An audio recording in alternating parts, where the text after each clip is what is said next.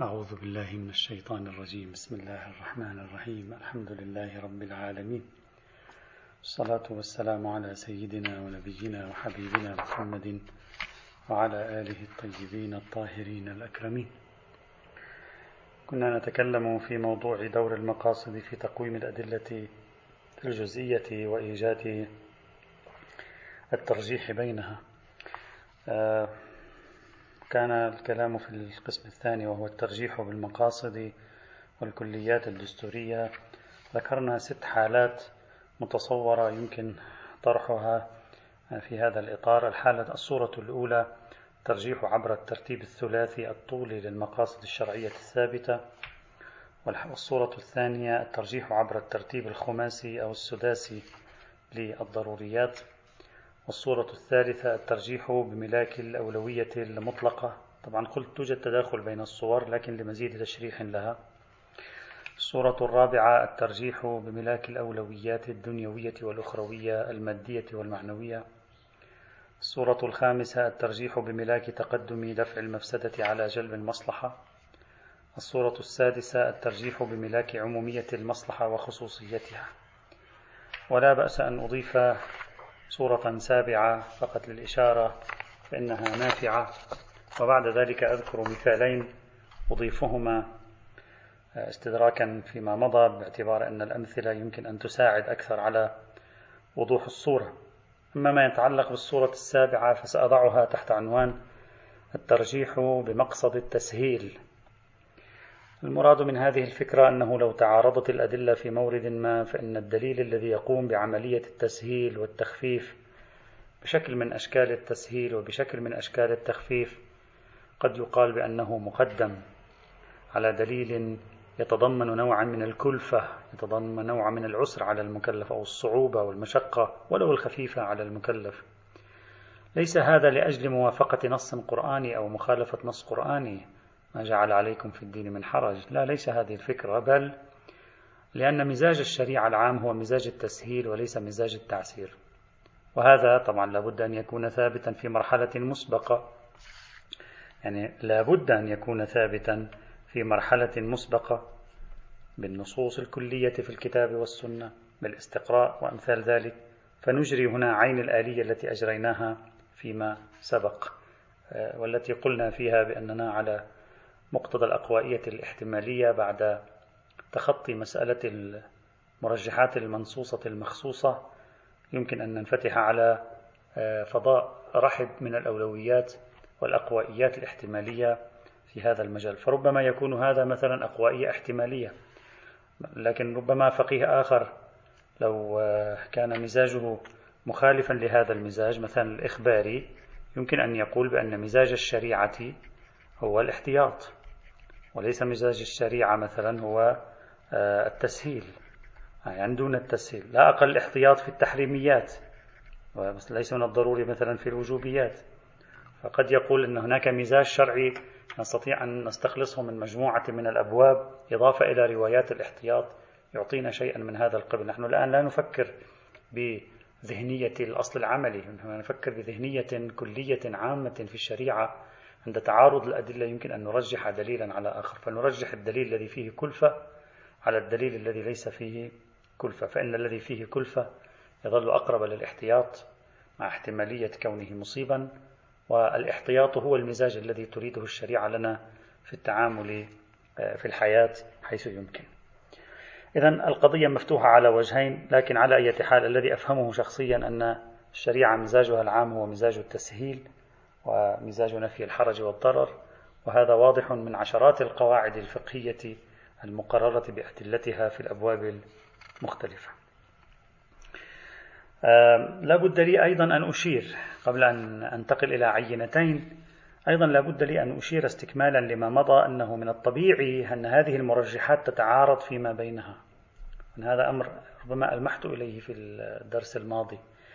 يعني ممكن أن يكون هناك تعارض بين خبرين. أحد الخبرين يقع على مصلحة التسهيل والخبر الثاني مثلا يتوافق مع المقاصد الحاجية مثلا. أحد الخبرين يقف مع مصلحة التسهيل والخبر الثاني منسجم أكثر مع دفع المفسدة بناء على أن دفع المفسدة أولى من جلب المصلحة. فتتعارض المرجحات نفسها.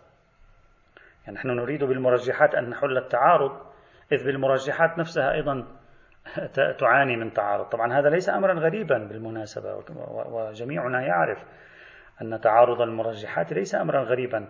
حتى نقول مثلا هذه المرجحات التي تذكرونها تورطنا في تعارضات أصلا وهي في حد نفسها متناقضة. لا هذا ليس غريبا. التعارض بين المرجحات موجود حتى بين المرجحات المنصوصة فضلا عن المرجحات غير المنصوصة. وهذا بحث أصلا فتحوه في أصول الفقه في كتاب التعارض في بحث التعارض. فيلزم البحث في تعارض المرجحات وتعارض المرجحات أمر معقول وتعرضوا له بالفعل هناك. مثلا إذا تعارض خبران أحدهما موافق للكتاب والآخر مخالف للقوم. ماذا نفعل؟ أيهما؟ وهناك طرحوا مسألة الترتيب. لا تذكرون الإخوة إذا يذكرون هناك طرحوا مسألة الترتيب في المرجحات. أنه أي مرجح نرجع إليه؟ في البداية وأي مرجح نرجع إليه في المرحلة الثانية. هل أولا نرجع إلى مرجح موافقة الكتاب بعد ذلك نرجع إلى مرجح مخالفة القوم؟ كيف مثلا؟ إذا أصل وجود حالة من التعارض التطبيقي الميداني بين المرجحات هذه قائمة المرجحات المنصوصة قائمة. وبالتالي من المتوقع أيضا أن تقوم هذه القضية وهذه المشكلة نواجهها في المرجحات غير المنصوصة أيضا. فلا بد أن نفكر لها في حل. ولعل الحل يمكن أن يكون يعني ربما طبعا يحتاج إلى تفصيل لسنا في مقام بحث آه، تعارض المرجحات هذا في في مبحث التعارض يبحث. لكن قد يقال بترجيح المعيار الذي يكون في نفسه أقوى احتمالا عند المولى. بمعنى مثلا أن نحن نعرف أن المولى اهتمامه بالضروريات أقوى من اهتمامه بمطلق دفع المفسدة مثلا. أن اهتمام المولى مثلا بمصلحة التسهيل أكبر من اهتمامه بمطلق دفع المفسدة مثلا. هذا أيضا يحتاج إلى بحث يعني كل هذه تحتاج إلى تأملات. لاحظوا معي أن هذا النمط من التفكير مع الشريعة يحتاج إلى تأملات استقرائية طروحات فكرية هذه. هذه ليست من نمط مراجعة رواية هنا وحديث هنا وظهور آية هنا وإنما هذا يتبع صيرورة الفقيه صاحب أفق في قراءة الشريعة يعني لديه ذهنية الفهم المجموعي للشريعة الفهم النظري العام للشريعة وبالتالي من المطلوب منه أن يكون قد تجاوز فقه المسألة نحو تشكيل آه، خبرة شمولية في الشريعة لكي يتمكن من الوصول إلى نتائج من هذا القبيل. سأختم هذا الموضوع يعني أو هذا الشق من من موضوع دور آه، نظرية المقاصد والمصالح وأمثالها والمناطات وأمثالها في يعني التعامل مع الأدلة الجزئية. سأختمه بمثالين لا بأس بذكرهما. عادة يعني يتداولان في الكتابات السنية في بالأخص لكن من باب تقريب الفكرة أنا أريد أن أذكر يعني هذين المثالين. المثال الأول النزاع الذي وقع بين فقهاء أهل السنة في خاصة الأحناف. في قضية أخذ الأجرة على تعليم القرآن الكريم. أنت تعلم شخص القرآن فتأخذ أجرة على ذلك. هذا الموضوع وردت فيه نصوص متعارضة. بعضها يبدو عليه أنه يعني ليس فقط يجيز كأنما يحث على أخذ الأجرة على تعليم الكتاب الكريم. مثل قول النبي في حديث ابن عباس إن أحق ما أخذتم عليه أجرا كتاب الله. يعني أحق ما تأخذون عليه أجرا هو, هو القرآن. يعني كأنما يريد أن يقول أصلا هذا الفعل من, من, من أنزه الأفعال من أطيب الأفعال التي أنت تقوم بها فأنت أحق بالأجر. هذا أجر صاف هذا أجر حلال. أن فعلك لم يكن مشوبا بأي شيء سلبي. هذا تعليم كتاب الله تبارك وتعالى مثلا. يعني كأنما هو عندما يقول أحق بصدد ماذا؟ بصدد بيان يعني حلية المال نظرا لطهارة الفعل المقابل الذي هو التعليم كما هو واضح. طيب هذا خبر. في مقابله يوجد خبر آخر يبدو عليه التحريم الشديد مثل خبر ابن عبادة الصامت. قال علمت ناسا من أهل الصفة الكتاب والقرآن فأهدى إلي رجل منهم قوسا شخص منهم أهدى له قوس. فقلت ليس فقلت يعني كأنما قال في نفسه ليست بمال يعني هذه القوس ليست بمال. ما يعطيني فلوس يعني نقد درهم ودنانير مثلا حتى يكون هذا نفع لي. قوس هذا. ماذا ينتفع الإنسان بقوس؟ عادة في الحروب. قلت ليست بمال وأرمي عنها في سبيل الله عز وجل. أرمي أنا عن هذا القوس في سبيل الله. فإذا يعني يريد أن يخاطب نفسه وعقله الباطن يقول أنا ما أخذت شيئا لدنياي. أصلا هذا ليس بمال. ماذا أنتفع به مثلا؟ يعني أنا أرمي الناس في الطرقات بالقوس مثلا يعني ما أحد يرمي. فأنا هذا مثلا أستخدمه في سبيل الله. فأي ضير في ذلك؟ كان كأنما كأني بعبادة بن الصامت يقوم بتحديث نفسه فيقول ليست بمال وأرمي عنها في سبيل الله عز وجل. لآتين رسول الله صلى الله عليه وعلى آله وسلم فلأسألنه فأتيته. يعني ما هذا الحديث الذي كان في نفسه لم يكفه أراد أن يعرف. فقلت يا رسول الله رجل أهدى إلي قوسا مما كنت أعلمه الكتاب والقرآن وليست بمال وأرمي عنها في سبيل الله. قال إن كنت تحب أن تطوق طوقا من نار فاقبلها. يعني إذا أنت تحب أن تطوق بطوق من نار لا بأس. خذ هذه إذا أنت تحب. هذا إشارة إلى ماذا؟ إشارة إلى شدة حرمة هذا الفعل وكأنه يفضي بك إلى النار. طبعا الرواية الأولى اللي هي خبر ابن عباس ورد في صحيح البخاري وشيعيا آه، أقدم يعني ظهرت هذه الرواية كمصدر حديث في عوالي اللآلي لابن أبي جمهور الأحسائي وفيما بعد دخلت إلى الكتب الحديثية المتأخرة شيعيا. أما الحديث الثاني فأحد مصادره الأساسية هو سنن أبي داود. طبعا توجد مصادر أخرى أيضا للحديث. هذا النزاع بين ال... وهذا التعارض في الحقيقة يعني هو, هو تعارض في الحقيقة. دفع بعض فقهاء أهل السنة سابقا خاصة الأحناف سابقا لأن يرجحوا الخبر التحريمي على غيره. أول شيء قالوا الراجح هو خبر عبادة بن الصامت يرجح على خبر ابن عباس. مع أن خبر ابن عباس مثلا موجود في صحيح البخاري وذاك موجود في خارجه لكن هكذا كان مزاجهم. إلا أن بعض الأحناف في العصور اللاحقة يعني فيما بعد طبعا ربما يكون هؤلاء الأحناف كانوا قبل البخاري بعضهم يعني. الأحناف فيما بعد بعضهم عدل عن هذه الفكرة رجح الخبر الترخيصي يعني خبر ابن عباس. ما هو السبب في الترجيح؟ أنا سأحلل سببهم هم, هم هكذا قالوا قالوا يعني الناس تكاسلت عن تعليم القرآن. إذا ما تعطيها فلوس ما تعلم القرآن فالأفضل أن نعطيهم فلوس.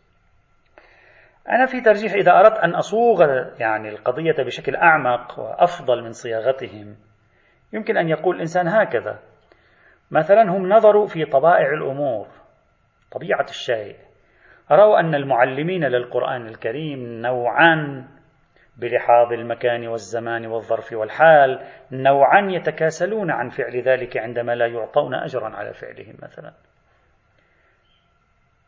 وهذا يعني أن مقتضى المصلحة العامة هو ترجيح خبر الترخيص لأن ترجيح خبر الترخيص يسهل تعليم القرآن في المجتمع.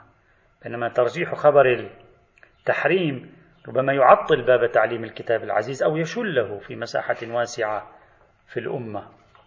يعني هذا إذا الإخوة يعني أريد أن أطبقها في مجتمعنا اليوم. مثلا المشايخ طلاب العلوم الدينية علماء الدين هذا إذا ما تعطيهم فلوس كثير منهم قد لا يأتي. في النهاية يريد أن يعيش. فربما لا يكون عنده محفز حينئذ إلى أن يأتي. بعضهم نعم ربما حتى مع هذا يبقى عنده محفز لكن كثيرون ربما لا يبقى عنده محفز.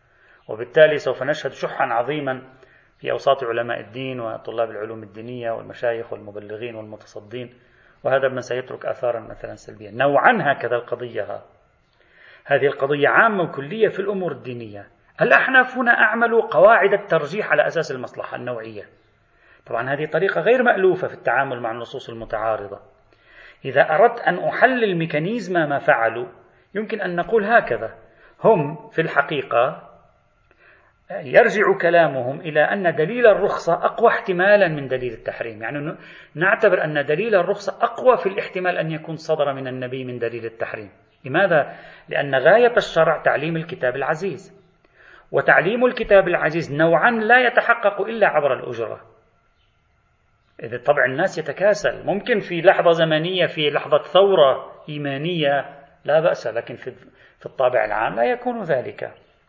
فإذا نرجح بالنظر أن الشريعة تأخذ هذا الأمر بعين الاعتبار لما نعلم من قوة اهتمامها بمصلحة تعليم الكتاب العزيز.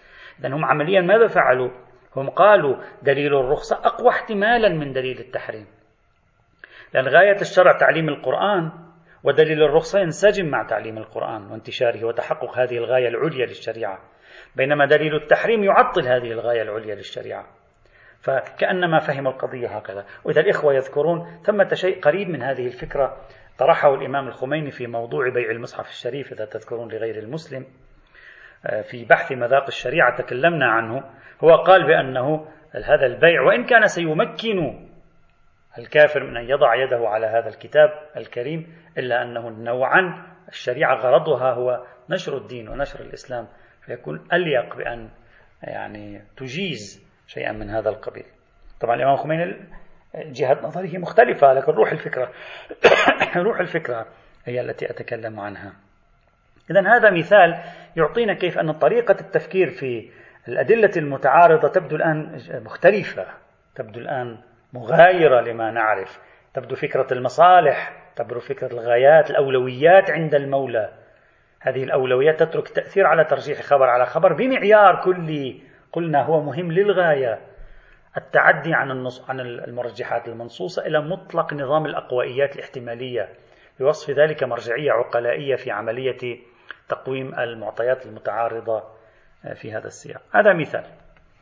طبعا أنا لا, لا, أريد أن أثبت المثال. المثال هذا لا يعنيني. أنا يهمني فقط آه، ذكره كتوضيح. لا تهمني الأمثلة هنا والدفاع عن آه، يعني عن هذه الأمثلة.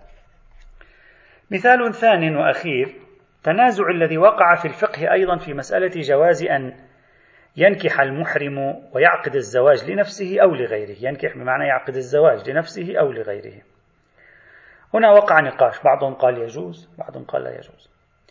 مثلا في خبر عثمان بن عفان الوارد في صحيح مسلم أيضا قال رسول الله صلى الله عليه وعلى آله وسلم لا ينكح المحرم ولا يعني لا ينكح هو نفسه لنفسه ولا ينكح يعني يزوج غيره ولا يخطب. وهذا يفيد تحريم النكاح على الإحرام.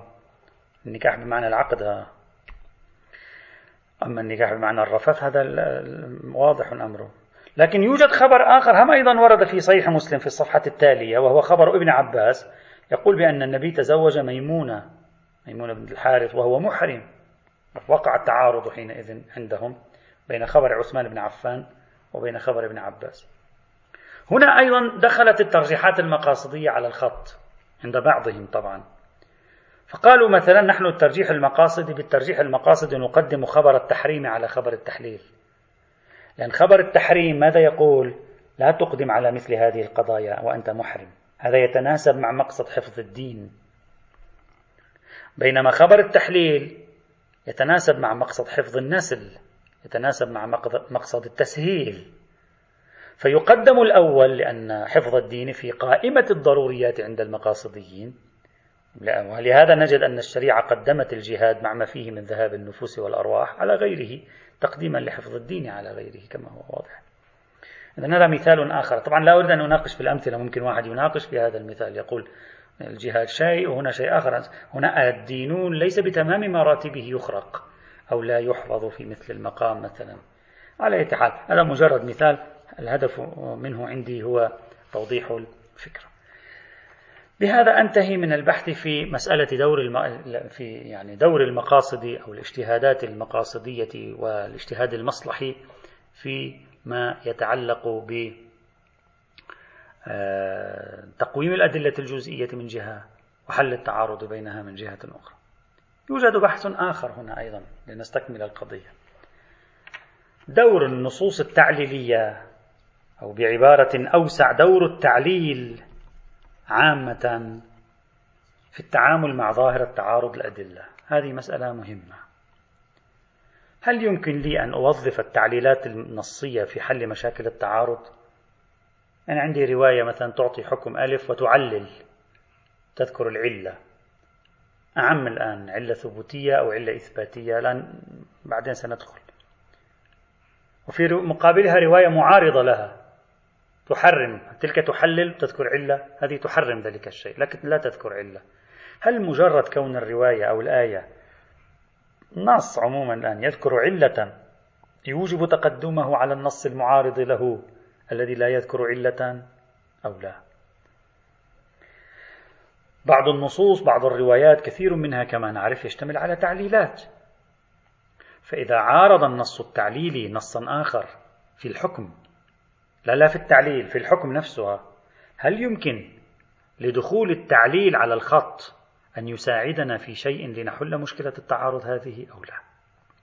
هذه مسألة طبعا نادرا ما يتحدث عنها في الدراسات الفقهية والأصولية يعني بشكل مركز.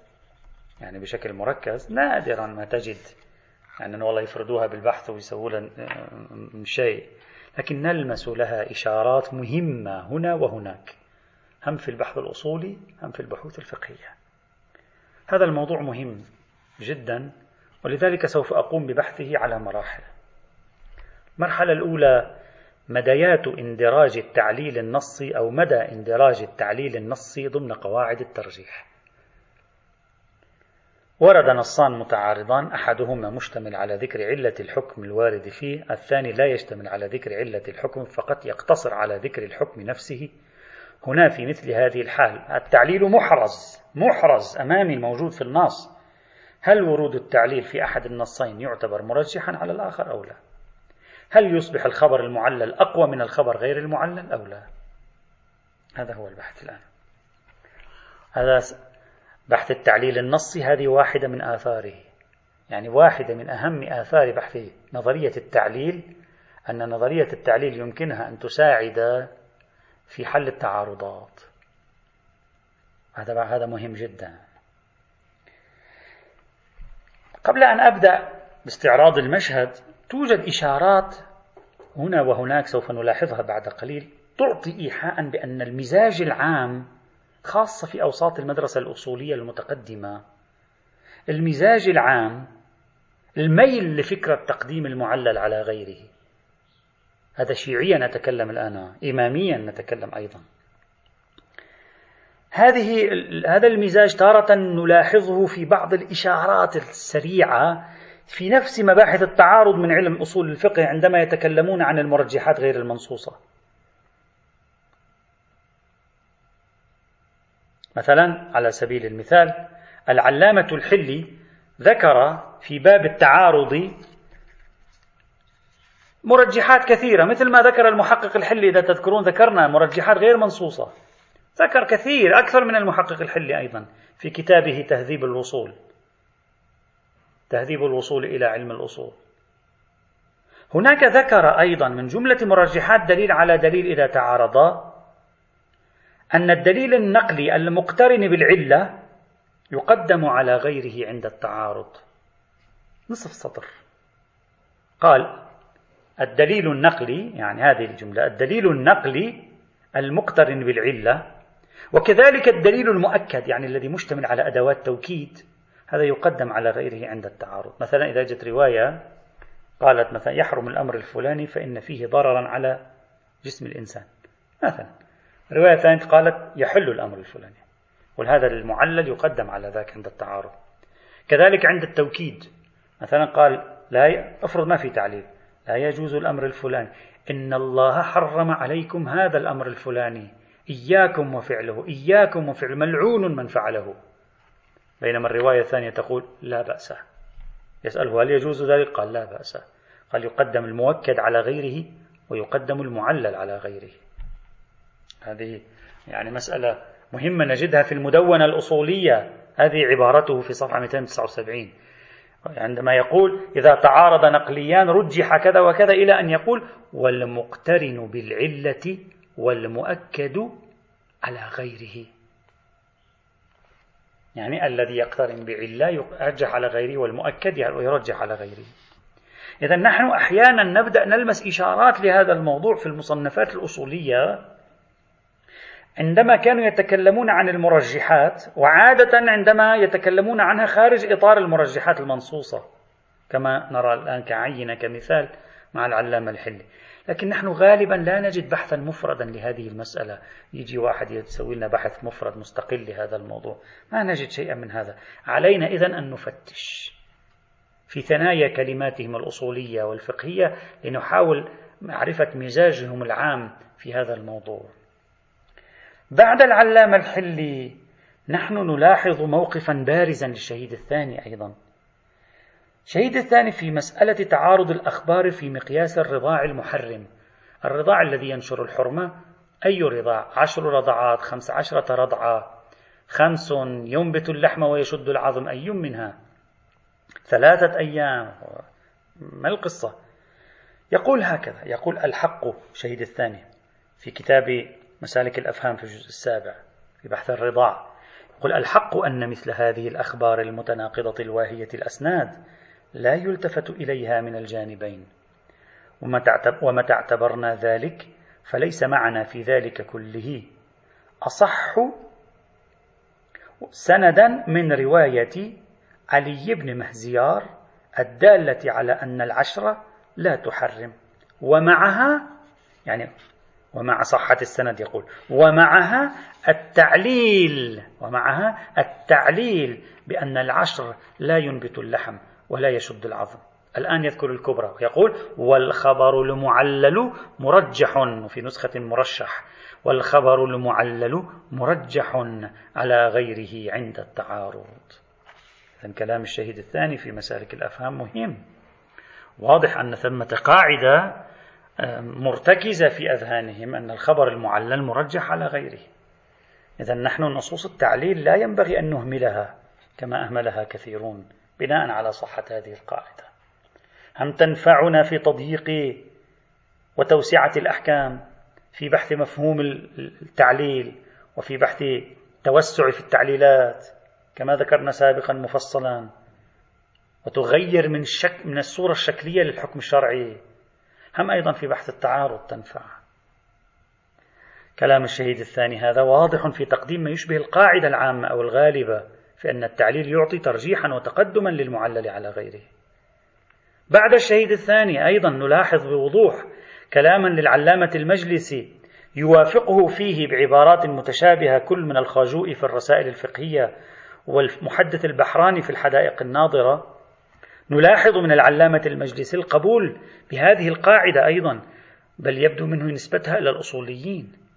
يقول وما يدل على ترجيح هذا الخبر هو أنه معلل والعمل على الخبر المعلل أولى عند التعارض كما ذكره الأصوليون. ذكر ذلك في كتابه ملاذ الأخيار في الجزء العاشر. إذا واضح أن الفكرة حاضرة عندهم. أيضا نلاحظ بعد ذلك أن السيد محمد بحر العلوم متوفى 1326 للهجرة أيضا يتكلم عن الموضوع نفسه. عندما يستعرض أيضا الموضوع الذي طرحه صاحب المسالك وهو موضوع الرضاع فيكرر ويقول والأحسن في الجمع بين أخبار القولين مع معارضتها ببعضها الدال على العشر بالمفهوم الذي لا يقاوم المنطوق في المعارضة والحصر في رواية الفضيل عدم اختصاص التحريم بما فيها مع اشتمال سنده على محمد بن سنان المجروح عند الأكثر. والتعليل بعدم الإنبات بالعشرة في صحيحة ابن رئاب الموجب أي التعليل لتقدم الخبر المعلل على غيره إلى آخر كلامه الذي جاء في كتاب بلغة الفقيه. واضح أن هذه الفكرة تبدو متكررة. طبعا متكررة ليست كثيرا. يعني موجودة متكررة أعطوا منها مواقف. لكن رغم وجود مئات النصوص التعليلية لكن مع ذلك قليل ما تجد حضور هذه الفكرة. لكن أحيانا تحضر وكأن القاعدة مقبولة. بس الآن هنا في ذلك المورد لماذا لم يعملوا هذه القاعدة؟ لا أدري. لكن على أي حال هذا موضوع مهم وأساسي.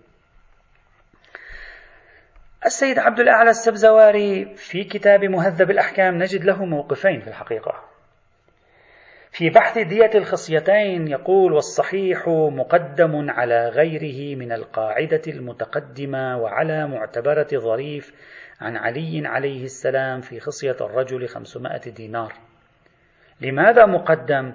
يقول لماذا مقدم على القاعدة ولماذا مقدم على معتبرة ظريف؟ يقول لما أثبتناه في الأصول من تقديم المعلل على غيره وإن كان الأحوط التصالح والمرادات لكن هذا في الجزء التسعة وعشرين يقوله لكن في موضع آخر يبدو منه إبطال هذه القاعدة. يقول في الجزء 23 يقول إن قيل إن القسم الأول معلل وبناؤهم على أن الخبر المعلل مقدم على غيره عند المعارضة يقال يجيب.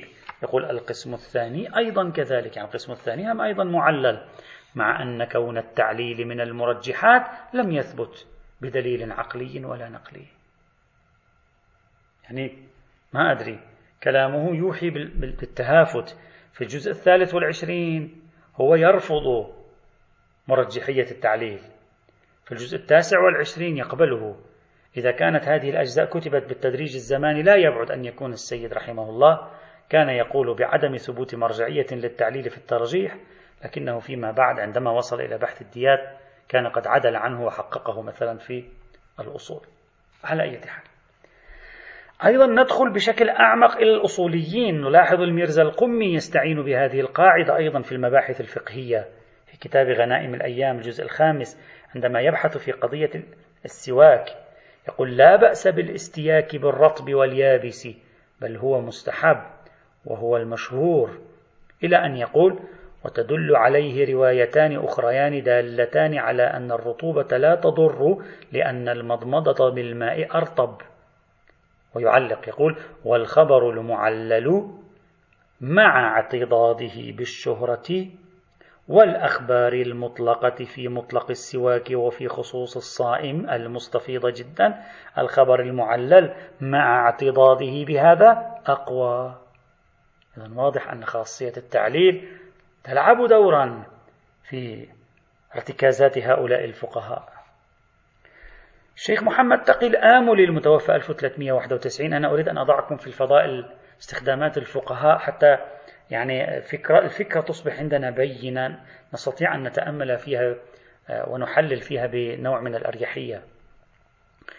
شيخ محمد تقي الآملي يتكلم عن موضوع التعارض العامين من وجه. يقول إذا عندنا خبرين عامين تعارضا من وجه عادة القاعدة ماذا تقول؟ تساقط في مادة الاجتماع صحيح؟ هنا يقول عندي مرجح تقديم المعلل منهما على غيره كما يظهر منه في كتاب مصباح الهدى في الجزء الرابع هذا أيضا ما نلاحظه عند المحقق القزويني في تعليقته على المعالم في تعليقته الأصولية على المعالم حيث يقول والتعليل في الجزء السابع والتعليل في نفسه من أسباب القوة والترجيح. ولذا يقدم المعلل على غيره خصوصا بمثل التعليل المذكور المعتضد بالاعتبار كما عرفت. واضح يبدو القصة مرتكزة في أذهانهم مع أننا يعني أعتقد أنتم تلاحظون هذا الأمر. في طيلة مسيرة دراستنا الفقهية قليلا ما نجد هذا صحيح؟ قليلا ما نجدهم يطبقونه. لكن مع ذلك تجد أنه له حضور عندهم من حيث اتخاذهم موقفا فيه مثلا ها؟ بل نحن نجد في نفس أخبار الترجيح وبحث التعارض عند الأصوليين حديثا عن التعليل فيها. هي نفس روايات الترجيح فيها تعليل مثلا خذ بالمجمع عليه بين أصحابك فإن المجمع عليه لا ريب فيه وهذا تعليل. هنا الميرزا المشكيني ماذا يقول؟ يقول لا كلية في تقديم المعلل على غيره بل المدار في ذلك على خصوصيات المقامات. يبدو الميرزا المشكيني لا يوافق. يبدو الميرزا المشكيني لا يوافق. كأني والعلم عند الله كأني يعني أشاهد بنظرة أولية الآن أن القرن الأخير بدأت هذه الفكرة تتلاشى فيه. الآن بعدين رح نحلل. يعني بدأت كأنما تتلاشى هذه الفكرة. مشكين الآن يدغدغ في هذا الموضوع. رأينا أيضا السيد السبزواري في بعض الأماكن هم يدغدغ في هذا الموضوع. طيب إذا القضية موجودة حاضرة في ثنايا كتاباتهم الأصولية. صحيح بقلة بندرة لكن الشخصيات التي أعطت موقفا إيجابيا فيها شخصيات بارزة ومهمة من العلامة الحلي إلى الشهيد الثاني إلى الميرزا القمي إلى الشيخ محمد تقي الآملي إلى المحقق القزويني. ها؟ إلى السيد محمد بحر العلوم إلى العلامة المجلسي إلى المحقق الخاجوئي وغيرهم يبدو في حضور للفكرة. الآن في المئة سنة الأخيرة ربما تكون هذه الفكرة بدأت تتلاشى بدأت تموت. هذا بحث آخر. طيب الآن أريد أن أحلل. ما هو الوجه عندهم؟ نبدأ عندهم الآن. ما هو الوجه عندهم؟ بعد أن رأينا حضور هذه الفكرة في ثنايا الاجتهاد الإسلامي. ما هو الوجه عندهم في تقديم المعلل على غيره؟ إذا تأملنا الكلمات إشارات هنا وهناك نلاحظ أن المعلل من النصوص يحوي عندهم قدرا من الأظهرية من الأقوائية الدلالية من الأوضحية فيقدم بملاك الأقوائية الدلالية. خلي هذا في بالك بعدين هذا راح يفتحنا على موضوع آخر.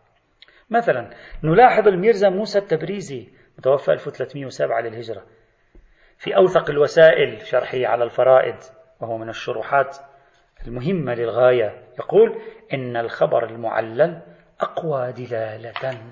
يؤيده ويبينه أقوى دلالة. فيرجح على الخالي من التعليل في مقام التعارض. يرجح أقوى في الدلالة. إذا القضية قضية الأقوائية الدلالية. يكمل صاحب أوثق الوسائل. ماذا يقول؟ يقول ولذا عمل بما دل على عدم تنجس البئر بالملاقاة مطلقا وإن كان ماؤها قليلا معللا بأن لها مادة وإن كان الغالب فيها الكرية. يعني التعليل بأن لها مادة أعطاها قوة دلالية زائدة جعلها تخرج عن قواعد الماء القليل. حتى لو كان الغالب فيها الكرية. لاحظ؟ يعني يقول هذا الذي هناك هذا التحول الذي حصل في فقه البئر والنزح من البئر وأمثال ذلك هذا التحول أحد مرجعياته هو النص التعليلي. لأن لها مادة. إذا هذا النص التعليلي غير المعادلة. قلب الصورة. يفهمها هو على أنه الترجيح بملاك, بملاك دلالي. أيضا نجد الشيخ محمد تقي الآملي في كتابه مصباح الهدى هكذا يقول عند ذكر يعني بعض المرجحات بين العامين المتعارضين يقول ومنها ما إذا كان أحدهما معللا بعلة دون الآخر فإنه يقدم العام المعلل على غيره والسر في تقديمه هو أقوائية ظهوره بالنسبة إلى العام غير المعلل. وهذا شيء أيضا. سبق أن لاحظناه قبل التبريزي في أوثق الوسائل وقبل الآملي في مصباح الهدى لاحظناه عند صاحب الفصول. عندما كان يستعرض الترجيحات المنصوصة وغير المنصوصة ماذا قال؟ قال وقد يرجح المعلل على غيره والمقرون بتأكيد لفظي أو معنوي على المجرد منه. هذا منين أخذها؟ أخذها من العلامة الحلي ومن الكتابات أيضا الأصولية السنية. يقول يعلل. يقول يضيف التعليل هنا. هذا مهم إضافة التعليل يقول لكونه أقرب إلى البيان والإيضاح وأبعد عن الخطأ. إذا أنت بتحكي بالأقوائيات مرجحات. أقوائيات الاحتمالية غاية الأمر أن الأقوائية الاحتمالية هنا في باب الدلالة. أقوائية إصابة الدلالة هنا أكبر. أبعد عن الخطأ. هذا ذكره في الفصول الغروية. إذا القضية عندهم حاضرة ولها وجود ونظروا لها بملاك الأقوائية الدلالية والأظهرية مزيد من الشفافية والوضوح في دلالة الدليل. هذا تبرير منطقي معقول من وجهة نظرهم لتقديم الخبر المعلل على غيره. أقول ولعل هذا هو أحد دوافع الذين صنفوا في علل الشرائع مثل الشيخ الصدوق. حتى الآن لم أعثر على نص واضح للشيخ الصدوق. يعني قيل لي بأن بعض العلماء قال بأن الشيخ الصدوق يقدم لا أعثر حتى الآن على نص واضح جلي للشيخ الصدوق في هذا لكن ربما يكون هذا من دوافع تأليفه كتاب علل الشرائع لأن جمع الروايات التعليلية يمكن أن يساعد في حل المعارضات في حل التعارض أيضا وهذا مفيد.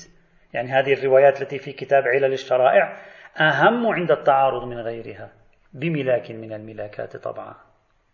هذه صورة أو جزء من الصورة حتى الآن فيما يتعلق بموقفهم من هذا الموضوع. سنزيد الأمر تحليلا إن شاء الله تعالى غدا. والحمد لله رب العالمين.